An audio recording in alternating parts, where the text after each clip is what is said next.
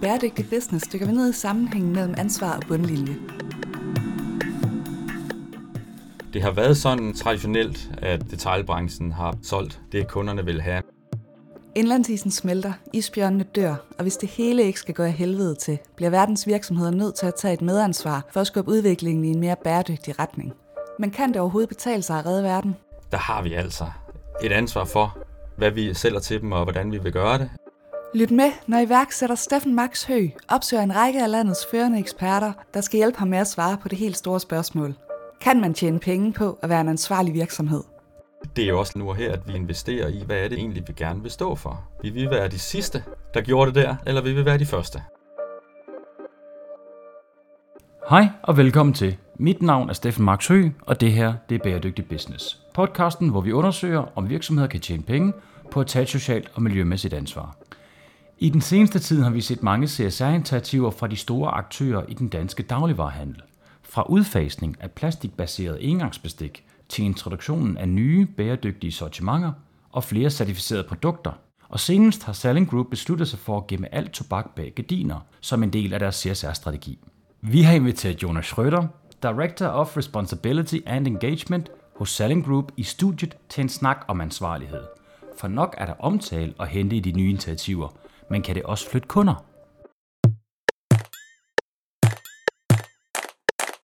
Hej Jonas. Hej. Tak fordi, at jeg øh, er så heldig at kunne få lukket dig her ind foran mikrofonen. Vi skal jo tale om Selling Group i dag. Vil du ikke lige starte med at præsentere dig selv, hvad du har lavet tidligere og hvad du laver nu? Jo, jamen jeg, øh, jeg, har, jeg er jo egentlig oprindeligt uddannet journalist. Så har jeg arbejdet på blandt andet Berlinske Tidene, og øh, hvad hedder det, et PR-bureau. Jeg har arbejdet som kommunikations- og CSR-direktør i Jysk ved Lars Larsen. Og her det, øh, det sidste års tid, efter jeg været selvstændig et par år faktisk, der har jeg arbejdet i, øh, ja, jeg blev ansat i, øh, i dansk supermarked, men nu står der Selling Group på lønsedlen. Der er sket et eller andet der, ja. Ja, øh, vi skiftede navn her for et halvt års tid siden, øh, og det kom så af, at, at øh, dansk supermarked var delvist ejet af Mærsk, og det er dermed delvist øh, børsnoteret, så en indirekte. Øh, og så øh, sparede vi nok penge op til fonden, til den del af fonden, der ejede virksomheden der, til at vi kunne øh, købe os selv helt tilbage. Og, øh, og den forbindelse, tid efter, så valgte vi så at skifte navn til, til Selling Group, sådan at, øh, at der er en større sammenhæng mellem ja, fondens arbejde og, og, og gruppens arbejde, så også fordi vi er med i et supermarked i dag, sådan rent lavpraktisk. Der er også nogle øh, webshops og, og lidt rundt omkring. Er I så stadigvæk gode købmænd nu, hvor I er blevet sådan en fondsejet ting, og giver alt overskuddet ud til velgørenhed? Og... Ja, vi er da endnu bedre købmænd. Nu er der jo virkelig noget at kæmpe for. Ah, det er godt at høre. Ja. Jamen, øh, det vi skal snakke lidt om i dag, det er, det er jo bæredygtighed generelt øh, i forhold til dagligvarerhandel, men særligt med fokus på Selling Group. Og hvorfor tror du, det er, der er kommet så meget fokus på bæredygtighed i dagligvarerhandel? Jamen, øh, det tror jeg, det er fordi, at nu er, kan man jo på sådan helt overordnet set sige, at nu er priserne på plads lige meget om du går i en, øh, en traditionelt øh, dyrere butik, øh, dagligvarerhandel eller en discounter, så er jo stort set øh, de samme priser, der er der.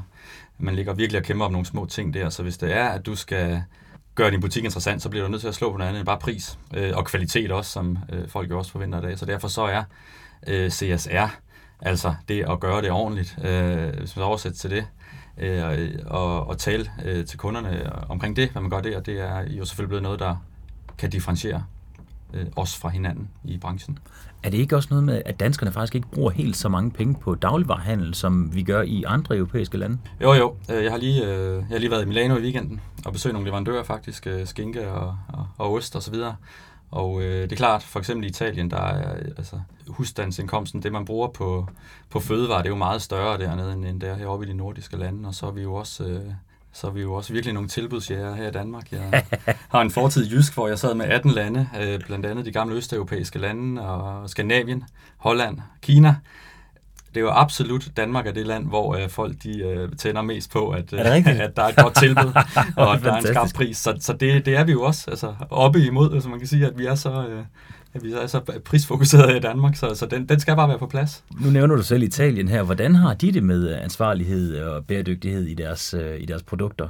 Ja, men det var faktisk interessant. Jeg har ikke, øh, ja, jeg har jo været i Jysk før, som sagt, så jeg har faktisk ikke arbejdet med, med fødevare før, så det var super spændende at besøge den her parmesanost leverandør, der havde, øh, der havde oste liggende på lager for, hvad var det, halvanden milliard kroner, for de skal jo, øh, de skal jo modne i en 12-18 måneder, så der var virkelig noget lagerbinding der. Der kan man snakke om likviditetsbinding, ja. ja, det ja der, der tænkte jeg faktisk også på det her med, at det er derfor, vi aldrig laver sådan noget her på Danmark, det er jo simpelthen ikke tid til, eller tålmodighed til at nej, lave sådan produkter. Det kan ja, men både den her Parma-skinke-leverandør og, og osteleverandøren, de, de kom jo med præsentationer, det var faktisk ret interessant at se, hvordan de faktisk kom ind på deres ansvarlighed også, og har lavet en flot rapport, flottere end, end den vi selv laver. Jeg blev da noget inspireret af til, hvordan de forklarer om, hvad de, hvad de gør, og det, øh, det beviser jo bare, at de ved jo godt. Altså en ting er, at vi, det er jo et land, der virkelig er, traditionelt har været dygtige på fødevare, men det viser også, at de ved jo godt, at de også skal føre bevis for det på sådan en mere struktureret måde ved at rapportere, fordi at ellers en eller anden dag, så sidder der også en som mig deroppe og siger, hvis der kommer et par historier i avisen eller andet, så kan det jo, der jo virkelig betyde noget for deres omsætning, hvis vi tager lige en break, indtil vi ved. Så de skal jo også forklare og bevise osv., hvad de gør, og det er jo, så det er jo super fint. Og det er jo også det her med en gennemsigtighed ned gennem øh, leverandørkæden, hvor at vores leverandører også er ved at komme med på det og rapportere, sådan at vi ikke hele tiden skal hente hente data ud af dem sådan mere håndholdt. Det er jo utroligt spændende det her med, øh, med risikostyring i forhold til, øh, at man bruger CSR til risikostyring, fordi ja. at, at, at det kan jo smadre en hel forretning, hvis der kommer nogle dårlige ja. historier, og du ikke har styr på, på dine leverandører og på dine data, så, så det er da helt klart øh, værd at tage med i betragtning. Selling Group har jo virkelig haft travlt omkring det her med ansvarlighed her på det sidste. Er der nogle af de initiativer, I har sat i gang, som du sådan er særligt tilfreds med? Ja, altså sådan helt overordnet set, så vil jeg sige, at jeg egentlig, øh, ja, som sagt, jeg startede for et år siden. Jeg synes egentlig, det har været super spændende at ja, komme ud fra og starte sådan en stor virksomhed. Vi har jo Føtex, Bilka, Netto, Salling Stormagasin og, og vores øh, webunivers og wupti.com som den største. Så det er jo en kæmpe biks, sælger alt mellem himmel og jord. Og det, der egentlig var udfordringen til at starte med, det var, jamen, hvordan delen får vi egentlig øh, sat alt det her i, på en eller anden måde system. Og ja, for der er nok steder at starte. Det. Ja, hvor, hvor, hvor starter vi henne? Og hvordan, øh, hvordan får, får jeg, vi, øh, engageret øh, ja, folk på tværs af organisationen, men også de rigtige, på de rigtige niveauer. Øh, så hele, hele den start med at lære øh, virksomheden at kende, og så, og så, og så derfra prøve at bygge øh, en CSR-strategi, det har været ret interessant. Startet med alle 17 verdensmål kan vi jo påvirke, og øh, 47 øh, fokusområder, og vi skal jo det hele til at, at, at køre en lille strategiproces med at få det fokuseret ind til sådan seks væsentlige punkter, så hvor vi, vi lavede sådan en, en risikoanalyse af, hvor er det op imod verdensmålene, at, øh, hvor er det, vi egentlig kan, kan flytte mest, kan gøre den største forskel, og så zoomede jeg helt ind til sidst og sagde, okay, vi kører på tre verdensmål, nummer 12, 3 og 4, ikke mindst fordi man kan jo så huske dem, det er jo 1, 2, 3, 4. Ej, det er smart. Så det, det går jeg aldrig væk fra, men, øh, men også for at sige, vi, vi, vi prøver virkelig at zoome ind her og så tage seks hovedfokusområder. Det, det, det er jeg egentlig også stolt af. Det er jo, rent, det er jo dybest set også bare papirarbejde, men også på en eller anden måde at få det sat i scope her i virksomheden. Og det er jo også sådan, man skal arbejde med verdensmålene, det her med, at ja. man, eller skal og skal, det er så meget sagt, men det er en god måde at arbejde med verdensmålene, at man tager fat i de områder, som er vigtige, hvor man kan lave en impact, i stedet for at man går efter hele pladen, alle 17 verdensmål ja. på en gang. Ja, og det, øh, det er rigtigt, og det, det, har, det var der en udfordring for lige præcis, når man har alt på hylderne, så kan man jo godt lade forvirre sig selv med, at alt er vigtigt. Det er det også, men man bliver nødt til at prioritere. Øh, og så har vi jo derfra fået sat nogle skibe i søen. Vi har, har taget et, øh, et opgør, kan man sige, med, med hele plastudfordringen, plastforureningen, øh, som vi står med. Det var jo en, en trend, kan du sige, altså på, på detaljbrancheplan, som man, man så meget i udlandet, men som egentlig ikke rigtig var kommet til Danmark endnu. Og, altså opgøret med plastik? Ja, og, ja opgøret med plastik og gå ud og, og sige, at vi, vi har en, en holdning til det her. Vi, øh, vi bliver nødt til at, at stoppe med at sælge alt det engangsplast. Vi bliver nødt til at, at kigge på vores uh, transportplast, på vores emballage, mikroplast. Uh, og der fik, uh, der fik vi lanceret en rigtig fin uh, strategi i foråret, hvor vi også kom ud med nogle... Uh, med nogle spændende initiativer, blandt andet at sætte, uh, sætte pant på poserne i Netto på Fyn. Uh, kan du fortælle lidt om det? Hvordan er det blevet modtaget? Jamen, uh, det er blevet modtaget godt. Der har været rigtig stor bevågenhed om det, fordi at det, uh, det er interessant. Det er nyt med pant på poser. Uh, altså vores uh, ideen bagved er, bortset fra, at det er jo selvfølgelig altid fint at blive anerkendt for det i, hos vores kunder og, og i omverdenen, men det var, det var den her tankegang omkring, jamen, hvordan får vi, kan vi være med til at skubbe på en en, en dagsorden, der handler om, at plastik det har en værdi. Det er et produkt, der har en værdi. Jamen lad os da prøve at give det en værdi, andet end at det koster penge, men at du også kan få pengene retur, nogle af dem, hvis du kommer ind med den igen. Øhm, og så er det jo spændende at se helt konkret, hvis vi skal bruge Fyn som eksempel. Jeg tror, vi er nede med en 10-15% i salget af poser, og vi får måske 5% igen, jeg kan ikke lige huske det præcise tal. Men det er jo interessant at se, bare på Fyn har det skubbet til en bevidsthed omkring, måske at tage sin gamle pose med, eller ja, bruge nettoposen flere gange. Det er jo meget interessant, ja. så man, altså udover at der kommer pant på poserne, så der sker det, at man kan få pengene tilbage, og dermed bliver der samlet meget plastik ind, så det kan blive genbrugt. Mm. Problemet er jo, at det ligger og flyder alle mulige forskellige steder, men når det bliver samlet ind, er det godt. Men det skaber også en bevidsthed, der gør, at der faktisk bliver brugt mindre plastik. Ja, det er det, vi kan se. At det, øh, det, det er lige så meget det. Uh, og det er, jo, det er jo det lige præcis den her pointe med at prøve at, at i talesæt, tror jeg, det hedder i dag med et smart ord, at plastik har en værdi, og ja, altså bruge det her som eksempel med, at den, øh, der kommer et par kroner på. Vi kørte det på Fyn, og så da der var, kom folkemøde på Bornholm, så satte vi også øh, pandeposer på på Bornholm. Bare lige for at sige, altså vi bruger det jo også selvfølgelig til at, og lige at plante et flag og, og lave noget øh, opmærksomhed omkring tingene, så det, det skammer vi os ikke over. Nej, nej, det, og det skal man da bestemt heller ikke. Det synes jeg jo egentlig er en meget central pointe, at, at de der forandringer, som man gerne vil se, altså hvis der ikke er noget forretning i det, Mm. så kommer man ikke rigtig nogen vejen med det, så bliver det et lille idealistisk øh, projekt, som ikke rigtig får den volumen på, så det rent faktisk kommer til at gøre en forskel. Så ja. det er da fint, man bruger det også i sin forretning.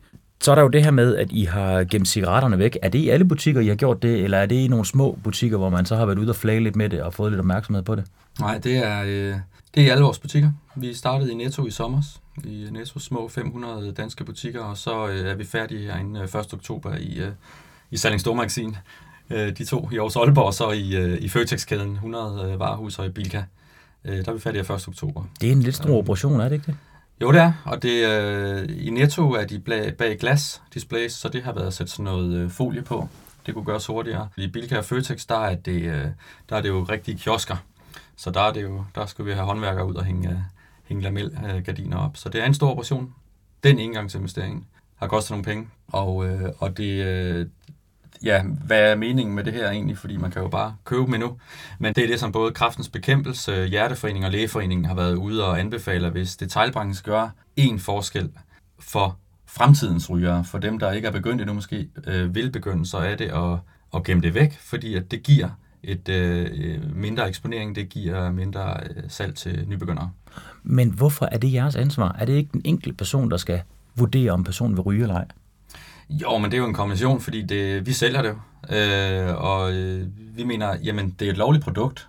Øh, det tror jeg ikke. Det vil blive i dag, hvis det kom i dag. Den er svær at godkende Men, nu, øh, tror jeg. Ja, men vi, vi sælger det. Vi, øh, vi sælger et lovligt produkt til voksne mennesker, der selv har lært at ryge, men at vi kan være med til at skubbe øh, på en udvikling, hvor at næste generation ikke begynder at ryge, øh, det, øh, det mener jeg egentlig også er et ansvar, hvor vi skal tage den del på os, som vi kan. Så må gymnasier jo lave, øh, lave rygeforbud og hvad der ellers findes og, og derude og, og kampagner og så videre, men altså i detaljbranchen, der bliver vi også nødt til at sige, okay, lad os, øh, lad os også prøve at slå et uh, lille slag for det her, og så, uh, så håber vi jo, at dem, der indtil videre snakket om det, de også uh, kommer til også at gemme det væk af vores konkurrenter.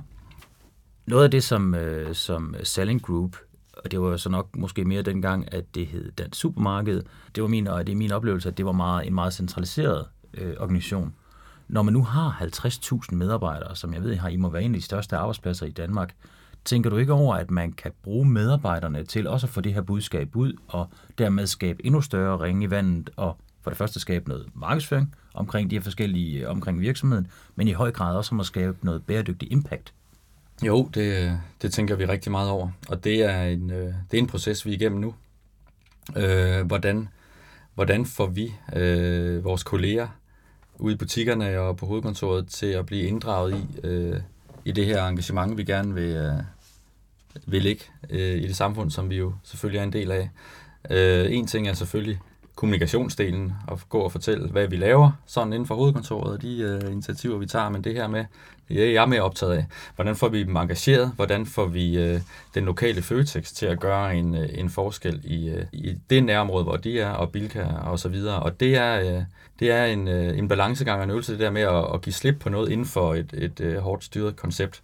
Men øh, det er noget, vi arbejder på. Vi har konkret, for eksempel i Føtex, der, øh, der øh, får vi snart nogle varehuschefer ind, der laver nogle lokale øh, ting, der giver noget øh, goodwill derude, øh, ind og forklare de business cases, de arbejder med, for eksempel, øh, altså hvad får de hvad, hvad, hvad får de ud af det, hvis man kan sige det på den måde, at de engagerer sig mere i lokalsamfundet. Så vi skal, vi skal simpelthen have sat det mere på formel, det der. Når, når øh, de forskellige initiativer, I har sat i gang i forhold til madspil, de har også været mere lokalt forankret, sådan som jeg kan forstå det. Er det ikke rigtigt? Jo, altså både og. Det er jo selvfølgelig en styring centralt fra IT-mæssigt, kan man sige, men det er lokalt forandret på den måde, at øh, det er jo den enkelte bagermester i en Bilka eller en Føtex, den enkelte slagtermester. Øh, det er her i vores egen produktion, vi virkelig gør en forskel. Det er jo dem, der skal tage det til sig de nye systemer, vi har sat op, hvor vi meget mere kan måle og veje og se, hvad vejrudsigten er, både i, om en uge og i morgen, og alle mulige ting, der gør, hvad skal vi producere til den dag, som har nedbragt øh, uh, madspil for eksempel øh, ret meget i de to kæder. Vi startede med at, vi sagde i 2014, at vi vil, øh, vi vil gå efter det her FN-verdensmål med at halvere i 2030, det er jo så populært. Øh, man kan se, at allerede i indeværende år kommer vi nok til at nå 50% reduktion i Føtex og Bilka. Så øh, jeg ved sgu ikke det der så. med at nå verdensmålene 12 år før, man får ros eller ris for det, men vi kommer selvfølgelig til at sætte os nye mål på den. Så, så skal der skrues det, op. Det bliver man nok nødt til. Man kan ikke sidde derhjemme og så bare øh, køre videre. Hvordan tænker medarbejderne ellers om, om de forskellige ting, I har søsat på, på hele ansvarlighedskontoen? Hvordan bliver det modtaget? Jamen, det bliver modtaget øh, godt. Øh, nu ved jeg ikke, om det er bare, når de møder mig, de synes, øh, det går godt, øh, hvad de snakker om derude. Men øh, generelt er der helt klart en forståelse for, øh, og det er både, øh, det er både varehuschefen i, i Vest- og Øst-Danmark, der synes det. En forståelse for, at det her det er altså den vej, verden bevæger sig, og øh, at øh, ja, nu Selling Group som fondsejet også øh, nogle gange tager nogle investeringer i fremtiden, og ikke kigger kun på salget nu og her, det vil sige at gemme cigaretter væk fra den ene dag til den anden. Det giver et faldende salg. til plastik øh, service ud af butikkerne, det giver et faldende salg, indtil vi har fundet nogle gode alternativer. Øh, der er en forståelse for, at det her det er noget, øh, det er noget hvad hedder det, vi må, vi må angribe. Så længe det bliver indregnet i deres øh, budgetter, så de stadigvæk får, kan få deres bonus, så er de i hvert fald glade. men, øh, men det er klart, at øh, på den anden side er der jo selvfølgelig også en kulturforandring, som virksomhed, der, der har været vant til traditionelt at sige, jamen, vi sælger øh, alting øh, mellem himmel og jord, og så er det øh, kunderne selv, der, der bestemmer.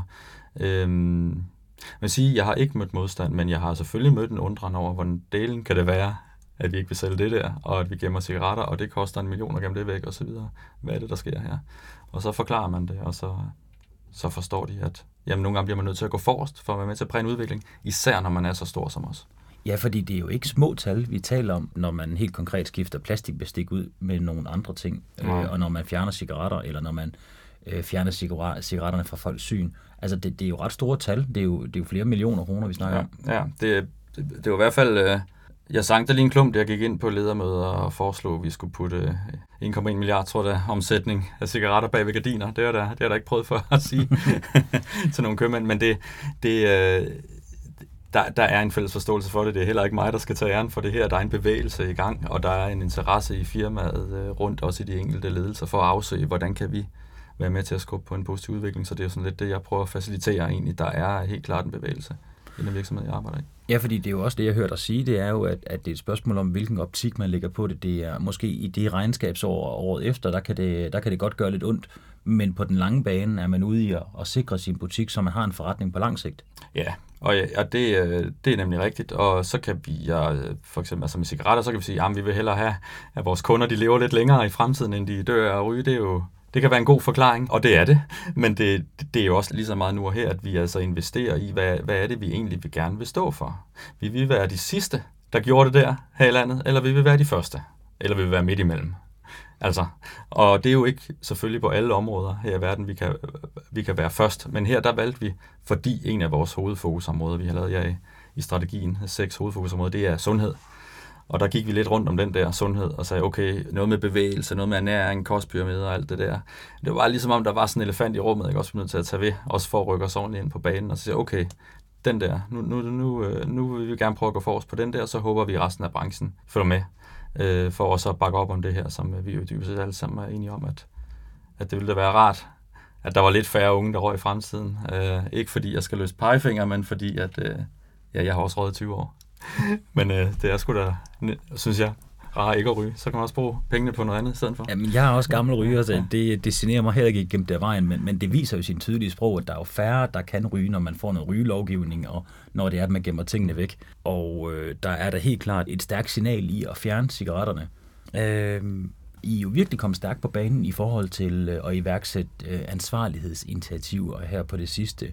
Hvordan kan det være, I pludselig har fået så travlt? Altså, det, det er ret mange store projekter, I er gået i gang med på kort tid. Ja, øhm, altså for at tage et skridt tilbage, så vil jeg sige, det, øhm, det har været sådan øh, traditionelt, at øh, detaljbranchen har, ja, altså som jeg sagde, solgt det, kunderne vil have. Men jeg mener egentlig, vi øh, her bare i dansk supermarked, vi er jo dem, vi er den største dagligvarehandel i, i landet. Det, det er jo rigtig, rigtig mange danskere, der, det, der står på deres øh, bord om aftenen. Det, de spiser, det, de putter i munden, som vi har solgt til dem. Øh, jeg tror, vi har 9 millioner kunder igennem vores butikker om ugen. Og bare at sætte sig ned og kigge på det der og sige, okay, der har vi altså et ansvar for, hvad vi sælger til dem, og, og, og hvordan vi vil gøre det. Ikke, ikke for at løfte pegefinger overhovedet, men for at være med til at præge en udvikling, der går i den rigtige retning, og selvfølgelig holde prisen nede på det, som er lige så skarp som før, men vi har et ansvar for at købe ind øh, ansvarligt, øh, og også de produkter, vi sælger. Øh, og hvorfor har vi så i, øh, i, i Selling Group øh, rykket så hurtigt her på det seneste? Jamen, øh, det, der var skillelinjen for os, det var, da vi her i foråret skiftede navn fra Dansk Supermarked til Selling Group. Det er jo ligesom om, det har givet sådan den der form for ketchup-effekt i, i firmaet. Altså, okay, vi er blevet købt tilbage fra et børsstedet selskab. Vi er ejet af, ja, af Selling Fonden, og, øh, og vi står på egne ben. Vi, er ikke, øh, vi skal ikke øh, ligge og sende en øh, statusopgørelse hver kvartal til en børsnoteret virksomhed med, at vi kan tillade os at tænke lidt længere frem i, i tiden og tage, ja, de rigtige beslutninger inden for de væsentligste områder, hvor vi kan, have en indflydelse. Så det var ligesom navneskiftet, der gjorde det, og så, ja, så har vi sat gang i nogle ting, og det, det er da bare mega fedt, at vi kan accelerere det så hurtigt. Det giver en god energi i virksomheden. Ja, og man kan sige, der, at der er virkelig sket rigtig meget inden for hele dagligvarerhandlen, og der er der ingen tvivl om, at, at det, det spreder sig jo også, når der er nogen så store som, øh, som Selling Group, der begynder at rykke rigtig meget på det, og Coop har også gjort meget igennem tiden. Altså i det hele taget er der jo mange, der rykker rigtig meget på det, så der sker rigtig meget lige nu. Det er jo positivt. Hvad er dine overvejelser, inden du øh, foreslår en ny CSR-indsats til ledergruppen? Det er jo noget, der har ret store konsekvenser økonomisk. Hvad er, din, hvad er dine tanker? Hvordan analyserer du dig frem til resultatet? Jamen, øh, vi er blevet enige om, om seks hovedfokusområder i vores CSR-strategi, som står på, øh, på, på tre verdensmål. Og det er, nu kan jeg lige læse dem op, selvom det lyder lidt kedeligt, at tage en liste her. Det er madspild, det er plastik, det er ansvarlige produkter, det er sundhed, det er inklusion på arbejdsmarkedet, og det er det, vi kalder great work life, altså et, et godt øh, arbejdsliv. Det er de seks områder, vi er blevet enige om. Så nedenunder der, der, der ligger nogle, øh, nogle mål, som øh, jeg, vi har udviklet, for eksempel under Responsible Products. Det skal jeg ikke tage æren for, det er noget, jeg har overtaget, men der ligger, at vi vil sælge for en halv milliard kroner højst nu af dyrevelfærd inden for de næste to år. Vi er halvvejs i det. Men, men der er jo selvfølgelig nogen, der ligger der fra, fra før, og så er der nogle, nogle mål, der er blevet sat op, som, som efter jeg startede.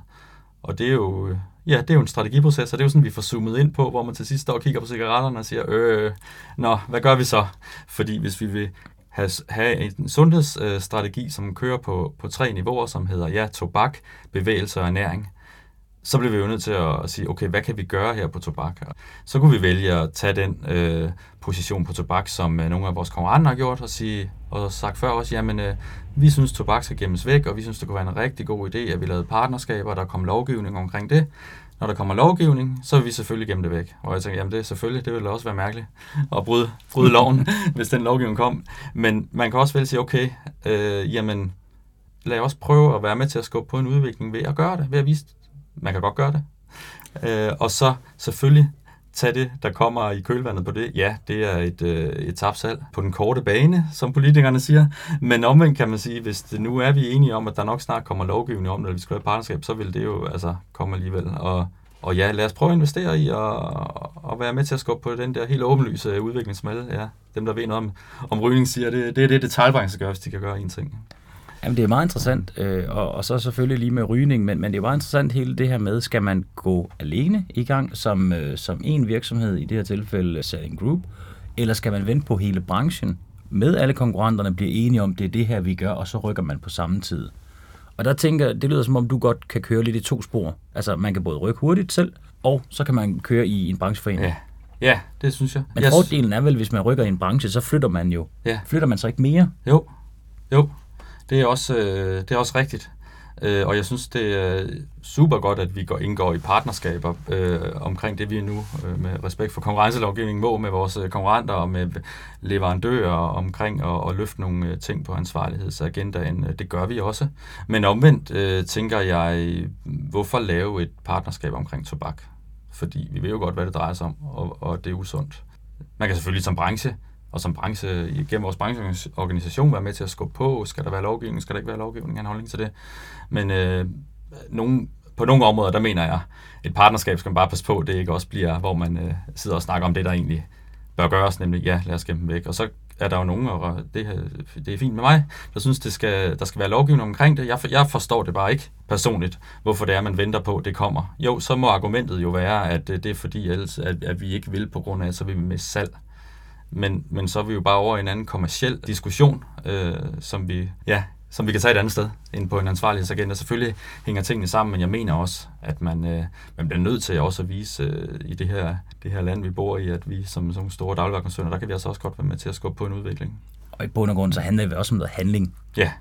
Altså hvis, som du selv siger, alle folk ved, at cigaretter ikke er det bedste, der er, er der er fuldstændig enighed omkring, og det der med at sætte gardiner for, det er i hvert fald et stort uh, step one på det bedste. Hvis man skal se det hele uh, rabiat på det, så er det jo nok ikke at sælge det, men, men et, et step one, det er at, at gemme det væk, uh, og så uh, det vil give færre ryger i fremtiden. Det, det er der bred enighed om, og det er det, alle vil, så ja, lad os prøve at gøre det.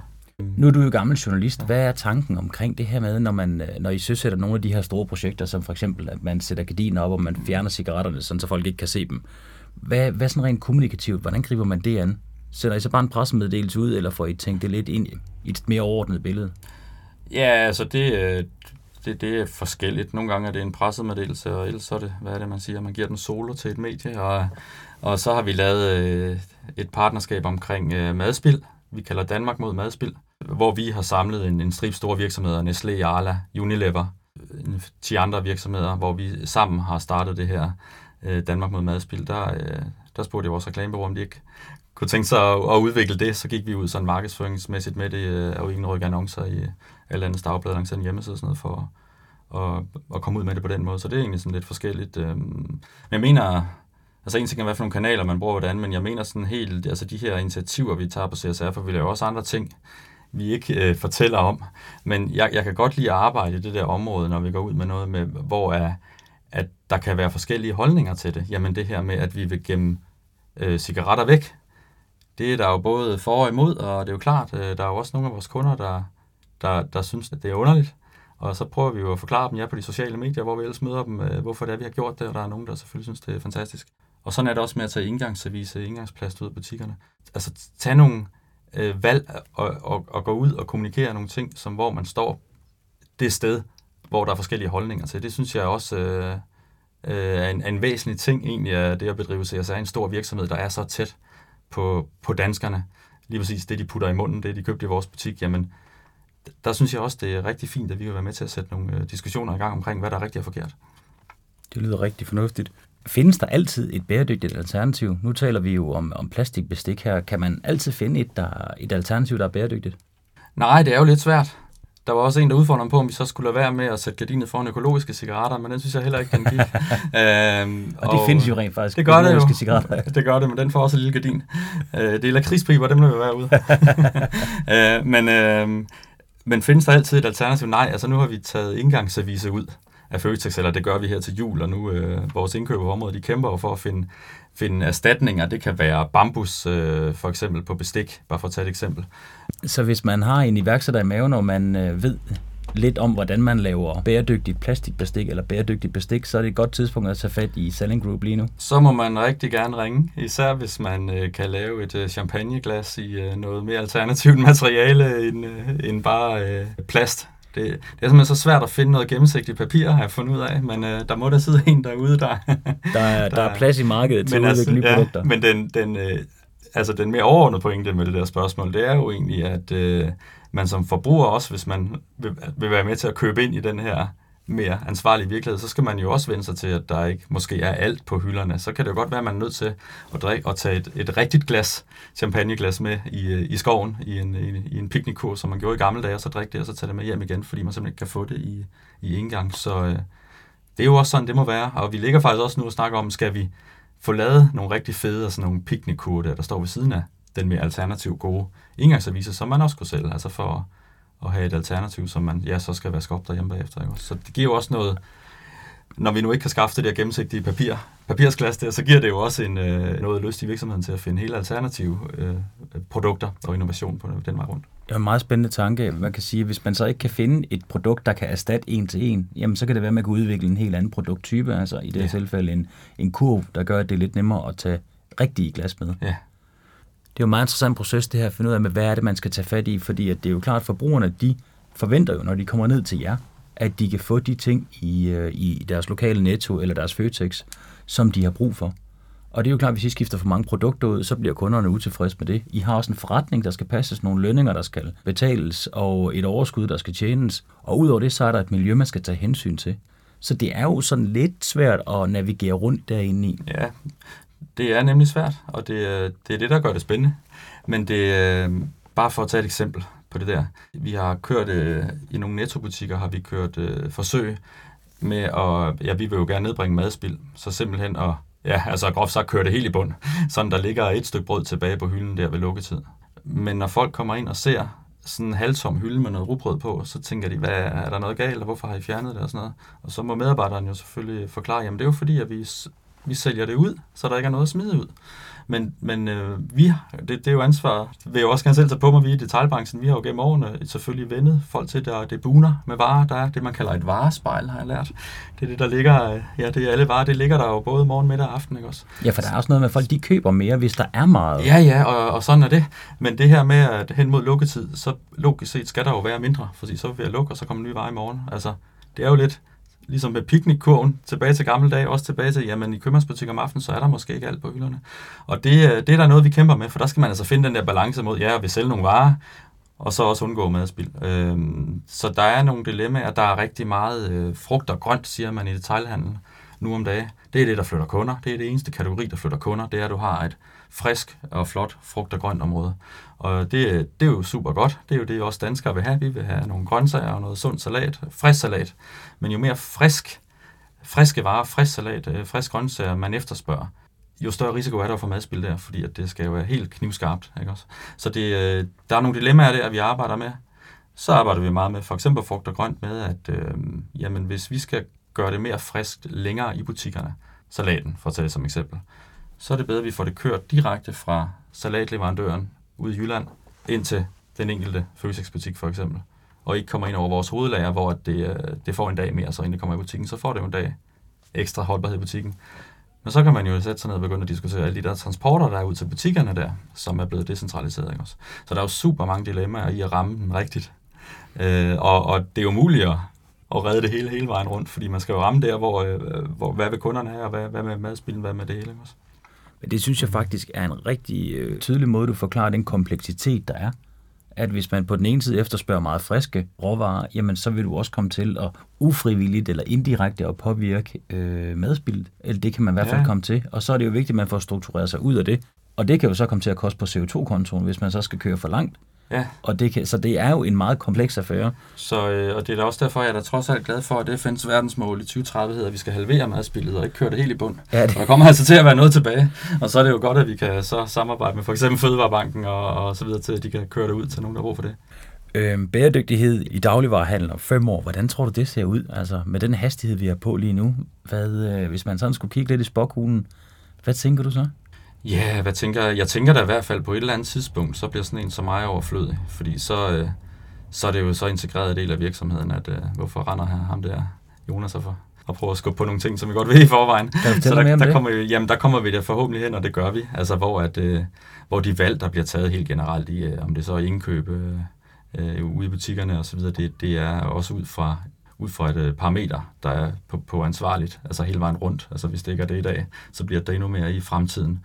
Øh, og det har noget at gøre med, at det er helt, øh, helt op, hvis vi skal helt op i helikopteren, så er det, er det den vej, som både ja, kunder og virksomheder og stater i dag gerne vil gå, hvis vi tager det sådan helt op. Det er den bevægelse, der er i gang. Og, øh, og det er jo fordi, at vi har fundet ud af, at vi lever på en planet, hvor det, øh, ja, om, øh, hvad er det, man siger, i 2050, der er vi flere milliarder mennesker mere, og øh, vi bliver nødt til at, at tænke anderledes. Vi bliver nødt til at tænke mere cirkulært, og vi bliver nødt til at tænke mere ansvarligt, hvis vi kan kalde det det. Mere fornuftigt, kan man også sige.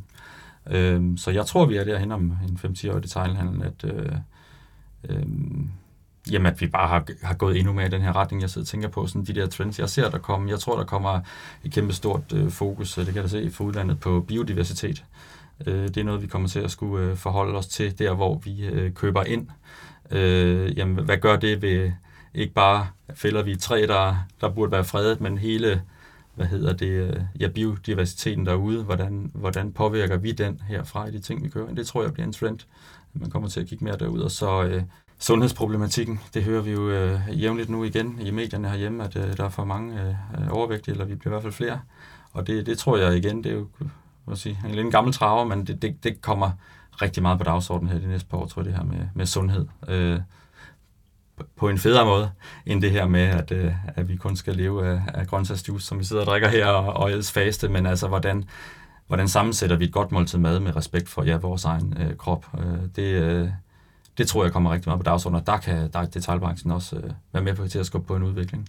Det ser vi jo også rigtig meget i dag nu. Jeg er jo, min mor hun er vegetar, det har hun altid været, så det er jeg opvokset med.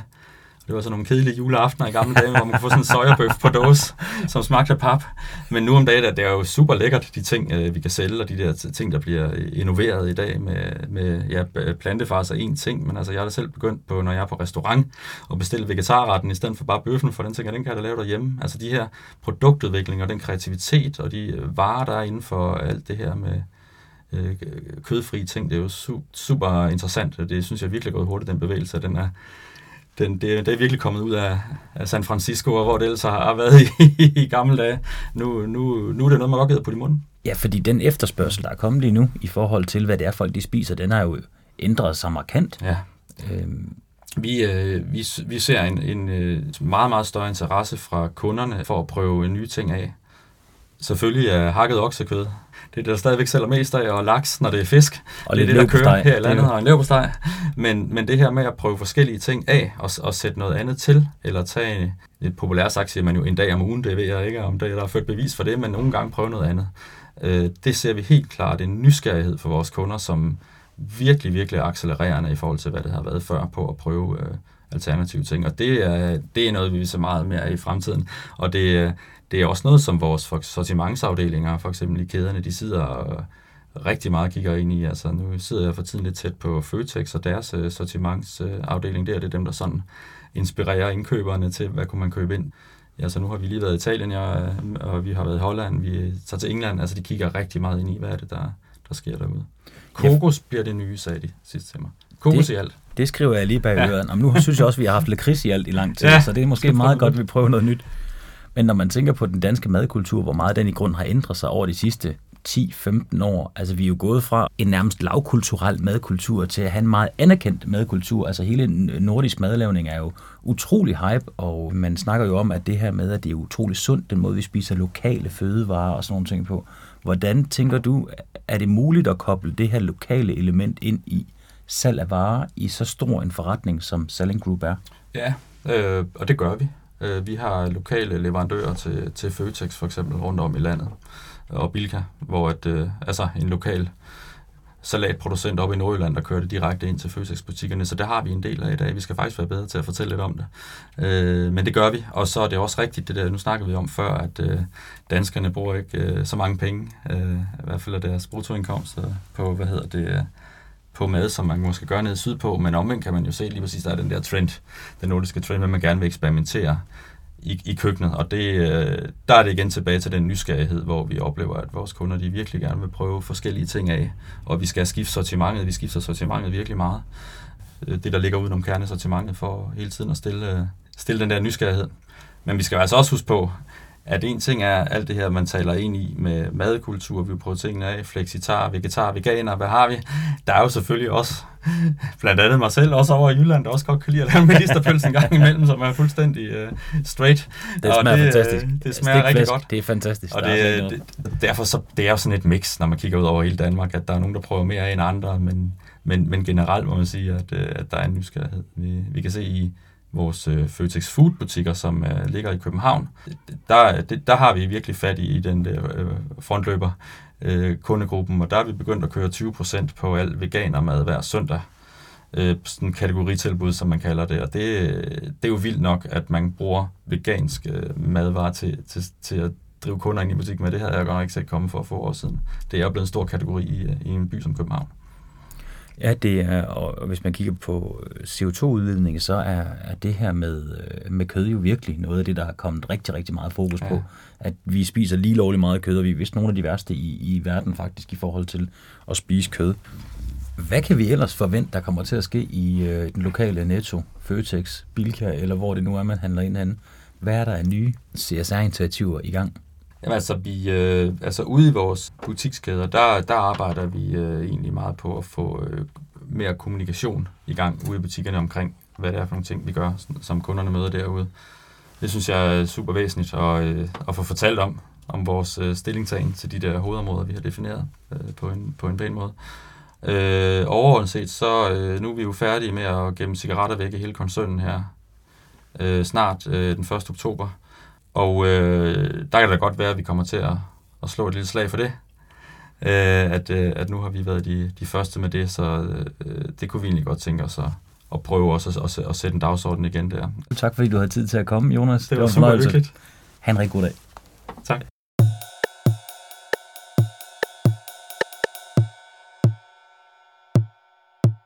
Jonas Schrøder mener altså, at man indimellem må beslutte sig for at gå forrest, også selvom det kan koste kunder på den korte bane.